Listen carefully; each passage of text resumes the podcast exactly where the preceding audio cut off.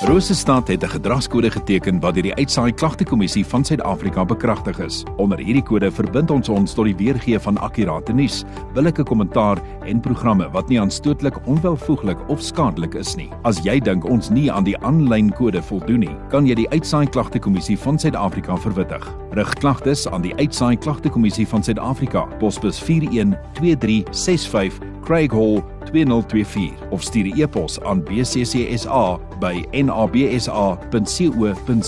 Vir verdere inligting, besoek www.bccsa.co.za.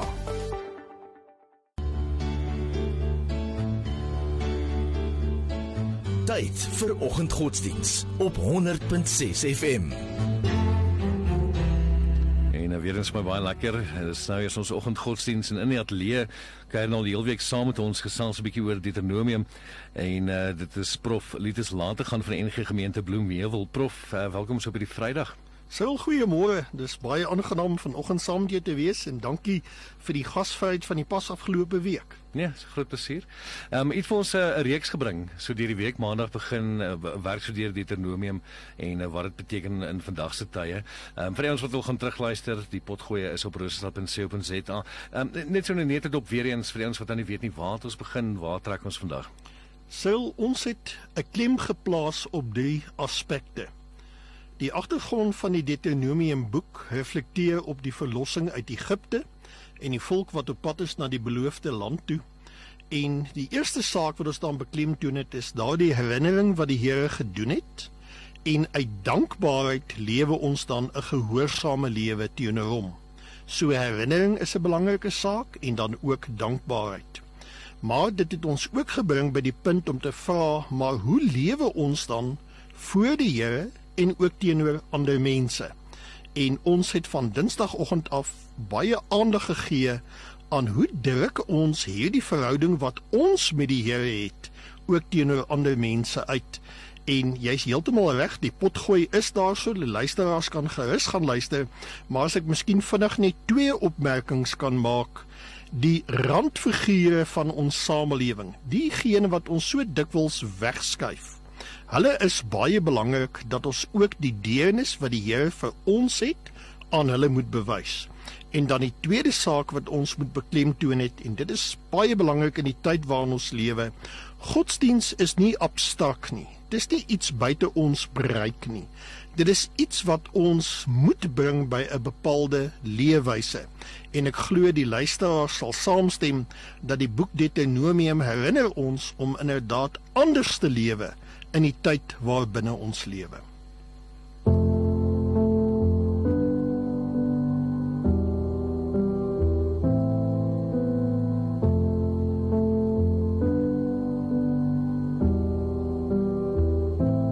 This is the story of a masterpiece in the making. Through all of my pride, the hurt, the beauty,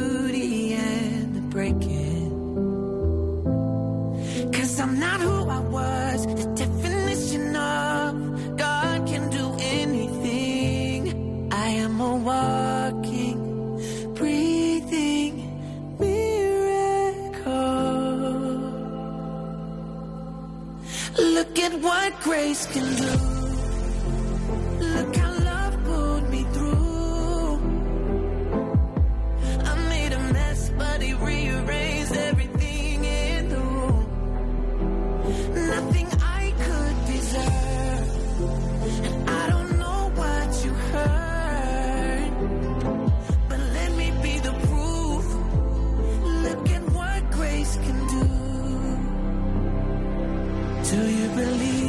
That you're a masterpiece in the making?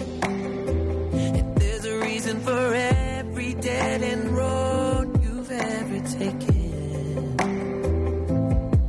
it doesn't matter what you've ever done. Jesus can make it new. If he can change me, I know he can change you too. Look at what look at what grace can do.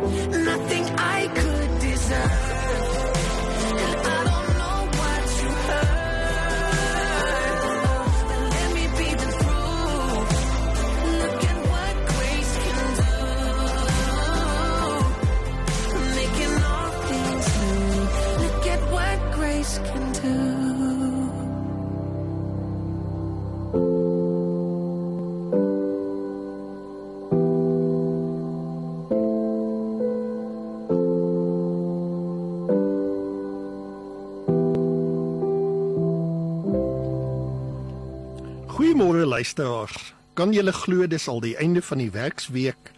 Ek glo dat dit vir julle 'n aangename week was en ek vertrou dat die klompie opmerkings vanuit die boek Deuteronomium vir julle stimulerend was. Vanoggend gaan ons uit nog 'n besondere teks lees en dit vind ons in Deuteronomium 17. Ons gaan vanaf die 14de vers lees. Nou luisteraars, wanneer julle die teks hoor, dan klink dit so amper asof dit pas van die uh, drukpers afkom. So relevant is dit vir ons dag. Maar kom ons gee eers aandag aan wat die teks sê. Deuteronomium 17 die 14de vers. Wanneer jy in die land kom wat die Here jou God vir jou sal gee en jy dit in besit geneem het en daarin woon, sal jy sê ek wil 'n koning oor my aanstel. Elke nasie in my omgewing het 'n koning. Stel dan tog die koning aan vir wie die Here jou God kies.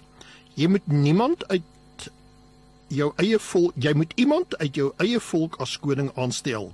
Jy mag nie 'n uitlander, iemand wat nie uit jou volk is nie, as koning aanstel nie. Hy mag nie baie perde aanhou nie. En hy mag ook nie die volk na Egipte toe laat teruggaan om vir hulle baie perde aan te skaf nie. Die Here het vir julle gesê, julle mag nooit weer daarheen teruggaan nie. Die koning mag ook nie baie vrouens hê nie, sodat hy nie aan die Here ontrou word nie. Hy mag ook nie sy silwer en goud te veel laat word nie. Wanneer hy as koning oor sy ryk regeer, moet hy vir hom 'n afskrif van hierdie wet maak. Hiervoor moet hy die eksemplaar van die Levitiese priesters gebruik. Hy moet die afskrif by hom hou en sy lewe lank moet hy dit gereeld lees sodat hy kan leer om die Here sy God te dien deur gehoorsaam te wees aan alles in hierdie wet en om volgens al hierdie voorskrifte te lewe. Dan sal hy hom nie bo sy volksgenote verhef en 'n haarbreedte afwyk van hierdie gebod nie. As hy gehoorsaam is, sal hy lank lewe in sy koninkryk. Hy en sy seuns tussen sy volk Israel. Liewe luisteraars, in die tyd toe hierdie boodskap opgeteken is, het Israel nog nie 'n koning gehad nie. En die verwagting was na mate hulle op pad was na die beloofde land, hulle met ander volke in aanraking sou kom, dat hulle ook hulle voorbeeld sou volg om 'n eie koning dan te wil hê. Op hierdie stadium was Moses hulle leier gewees en Moses het dan ook gedien as die tussenganger tussen die volk en die Here. Ons moet onthou dat in die Ou Testament was daar nie sprake van 'n demokrasie nie. Met ander woorde, daar was 'n paar kandidate wat vir die koningskap gestaan het en elkeen kon dan sy of haar visie aanbied vir die land en dan het mense gestem nie. Nee, 'n koning is aangewys want die koning het ook die simboliek gedra van 'n verteenwoordiger van die Here by die Here se volk. Dus, wat kan ons begin om vir mekaar uit hierdie teks te sê dat tussen die koning en die Here moet daar 'n baie baie noue band wees. Ons verneem van 'n klompie voorskrifte waaraan die kandidaat moet voldoen waarvan twee belangrike vereistes is aan die een kant dat hy 'n mede-Israeliet moet wees Ons sou dit kon interpreteer binne die konteks van taal en kultuur en tradisie en godsdiens en dan kom die saak van Egipte weer ter sprake. Dit is iemand wat nie in sy of haar wysheid kan besluit of mag besluit om die volk terug te gaan Egipte of die vermelding dat hulle by Egipte perde sou kry, sou dan ook geïnterpreteer kan word dat hulle teruggaan na Egipte om daar 'n bondgenoot vir hulle te kry sodat hierdie bondgenoot hulle kan help wanneer daar militêre konfrontasie met die ander volke is nie. Dis twee baie belangrike vereistes waaraan die koning moet voldoen. En dan glo ek het baie van julle die ore gespits en het gevra, kan dit werklik waar in die Bybel staan? Is dit wat daar staan?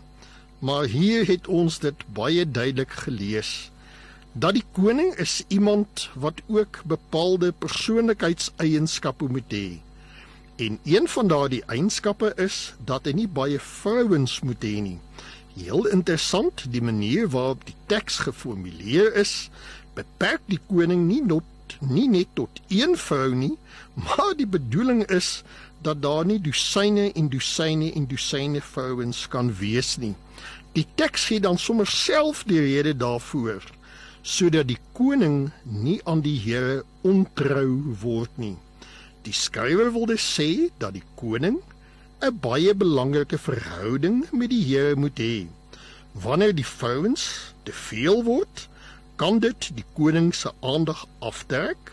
Die koning kan verlei word om die Here nie meer getrou te dien nie en dit sou 'n totale taboe wees vir die koning van Israel. Daar word ook 'n verwysing gemaak na die rand en die sent in die terme van die Ou Testament, die silwer en die goud van die koning.